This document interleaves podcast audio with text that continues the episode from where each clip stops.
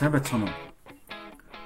Бүгдээрээ өнөөдөр маш чухал сэдвийг ярилцахаар байна. Энэ бол сэтгэл зүйн суур хандлага болох өгөгч болон авахч дүрийн тухай асуудлыг ярих гэж байна.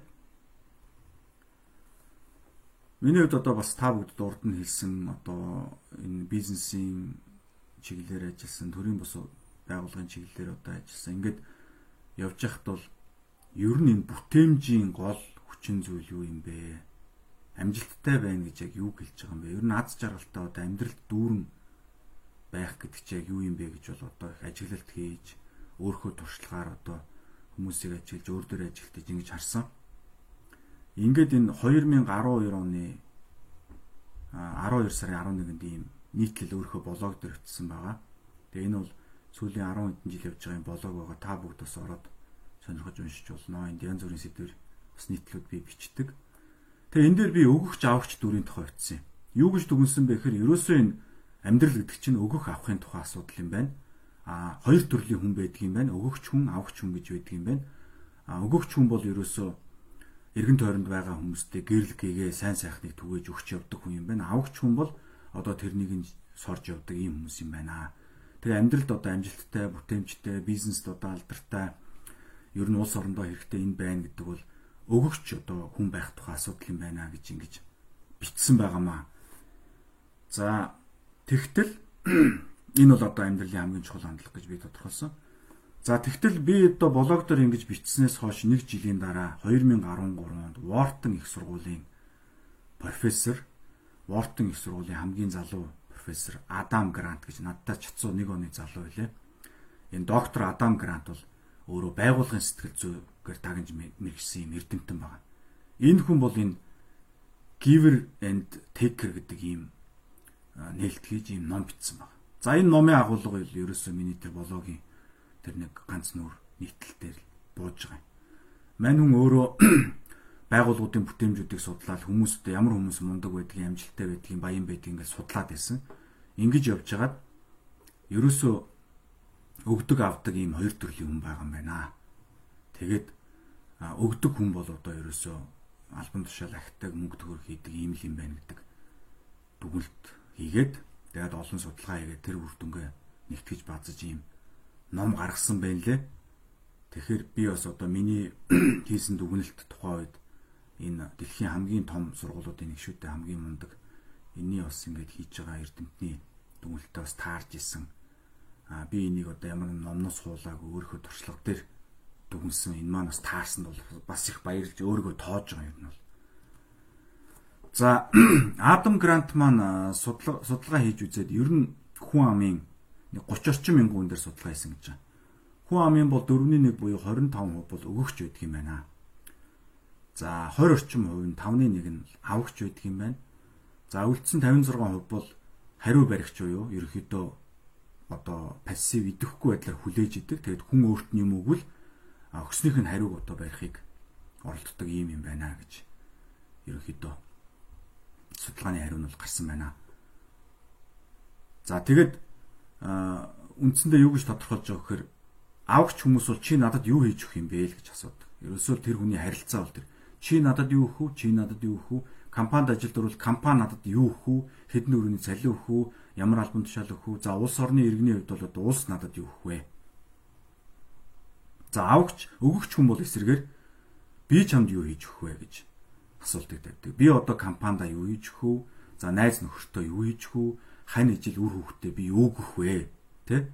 Улс орондоо би юу гэх вэ гэж ингэж бүх одоо харилцааны хандлага дээр бол энэ өгөгч дүүрээр одоо залардаг ийм хүн байх нэ. Тэгээд Адам Грант бол нийтдээ болон энэ санаа гаргаснаас хойш бусад их сургуулиудын эрдэмтэд бас судлаад 100 гаруй судалгааны үр дүн гарсан. Өгөгч хүн бол бүтээмж нь хамаагүй илүү байдаг юм байна гэдэг нь гарсан байна. За тэгэд та бүгд бодолтой одоо улс төрд э, төрийн өндөр дэд албан тушаалд авахч дүртэй хүн очвол яах вэ? Тэр хүн чинь өгч чадах уу эргүүлээд те а нөгөө албан тушаалаас аль болох одоо авах улс орон татвар төлөгчдийн мөнгнөөс хулгай хийхээ бодно гэхээс биш эргүүлээд одоо өөригөө сонгосон сонгогч нар түмдээ юм хийж өөх тухай бодохгүй. Тэгэхээр энэ өгөгч авахч гэдэг дүр ямар чухал болох вэ гэдэг нь зөвхөн саяны жишээгээр та бүгдэд одоо толгоогоор чинь ташуураар ташуурдаад авч байгаа юм шиг ойлгомжтой болж байгаа байна. Хань ижил ч гэсэн одоо эхнэр нөхөр хоёр байхад нэг нь дандаа авдаг те харилцаанаас гэр бүлийн харилцаанаас нөгөөх нь дандаа өгдөг байвал яах вэ? Хоёр авахч таарчвал яах вэ? Хоёр өгөгч таарвал яах вэ гэд энийг бол одоо маш сайн харах хэрэгтэй. Тийм ч учраас одоо орчин үед а одоо барууны том компаниуд ажилд авахдаа асууж чи нийгэмдээ юу хийж өгсөн бэ? Чи өмнөх компанида яг ямар хувь нэмэр оруулж өгсөн бэ гэж асууж өгөгч хүнийг одоо авдаг ийм юм руу. Одоо ялангуяа Адам Грантын ном бол бүр бестселлер болоод мань хүн бол үзэгдэл болж байна л да. Өгөгч авагч дүр бол одоо баруунд хүн болгоны ярьдаг амны уншлага боллоо. Компанид хүн ажилд авахдаа одоо авагч өгөгч дүрийг нь тодорхойлж байгаа өгөгчийг л зөвхөн ажилд авдаг ийм болж байна те. Тэгэхээр энэ бол одоо маш чухал ийм асуудал байх нэ. Тэгээд ер нь Монголд харж байхад бол мэдээж манай боловсролын системд өгөгч дүрийг бол суулгаж өгдөггүй мэдээж эцэг эхчүүд л одоо энэ өгөгч дүрийг хүүхдүүддээ суулгахаас өөр одоо ямар ч арга сонголт байхгүй. Манай боловсролын системд бол одоо түүх хичээл дээр нь он цагийн дараа л цээжлүүлэл математик хичээл хизээ яаж хэрхэн хэрэглэх нь огт ойлгомжгүй тригонометрийн бодлого бодвол ингэж сууж байгаа. Тэгээ тэр багш нарын бол буруу бишээ би дахин дахин хэлж байгаа шүү. Энэ бол боловсролын систем, энэ бол боловсролын үе үеийн сайд нар, ерөнхий сайд нар те энэ улсын төр засгийн л одоо анхаарч хандах ийм л асуудал. За яг хөө тэр бол ерөнхий сэдв. Би зүгээр нөхцөл байдал ийм байгаа шүү. Тэгэхээр та бүгдийн л үүрэг оролцоо маш чухал. За ингээд аа аавч бол болгож ерөөсөө болохгүй. Хүүхдүүд бол мэдээж одоо дөнгөж төрөөд эцэг хийсээ авдаг. Амруу нь хоол халбагдаж одоо хийхээс эхлээл явна. А тэгээд жоох ухамсар суугаад эхлэхэд нь гэр бүлдээ чи өөрийн гэсэн үүргийг гүйцэтгэх ёстой. Чи гэрээ цэвэрлэх хэвээр чи төмс арилгах хэвээр аяг шанаг угаах хэвээр гэд заавал үүргэжүүлж тэр гэр бүлд өөрийн үн цэнийг оруулдаг ийм хүн болох хэвээр тэрийг нь тэмдэглэж урамшуулж алдаршуулах хэвээр тэр бол ерөөсөө тийм дарамттай нэг ийм зовлонтой захиргааталтай ажил ерөөсөө байж болохгүй. Энэ бол гэр бүлдээ оруулж байгаа хувь нэмэр. Аав нь ажил хийгээд мөнгө олж ирдэг. Одоо ээж нь яадаг ч байдгийг те. Ингээд ах нь одоо шалаа угаадаг, дүүн аягаа угаадаг юм л байх хэвээр. Ингиж баг багаар өгөгчийн дүр бол үүсэх хэвээр. Бусад хүмүүст өгүүлэх хэвээр. Тэр социализмын үед байсан одоо анги танхимаа гүйжчихэд субботник их нийтийн цэвэрлэгээгээд байрны гадаа гараад цэвэрлдэг гэсэн би санаж ин хүүхд байхад. За сургуулийнхаа одоо шалыг балруулдаад угаагаад ингээд хүүхдүүд сурагч нар ингээд их цэвэрлэгээ хийдэг байсан. Тэгэхээр эн чинь өгөгч дүр суулгах гэдээсэн баггүй юу коммунист боловсролын систем. Тэгээ 90 онд одоо аваачаад шилжихтэй коммунизмын бүх юм буруу гэж одоо хит одоо анархизмдж одоо мэдрэлтэд солиороод энэ сэтгэл зүйн зөв төлөвшлө өгдөг байсан коммунистуудын коммунист сэтгэл зүйчдийн энэ юмнуудыг бүгдийг устгаа хийцэн.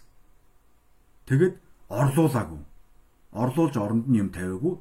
А коммунизмын үеийн тэр тригонометр тэр цээжлэлт дээр суурилсан гэдэг байгаа шүү дээ. 1850-ад оны үед гарсан цээжлэлт дээр суурилсан тэр шинжлэх ухаанч иргэн бэлдэнэ гэдэг юм.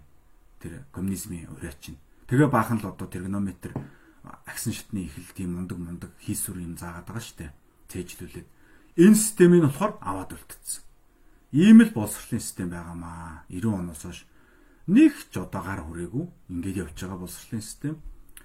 За тэгэхээр одоо Америкийн ихтэй сургуулиудад элсгэд асуудаг.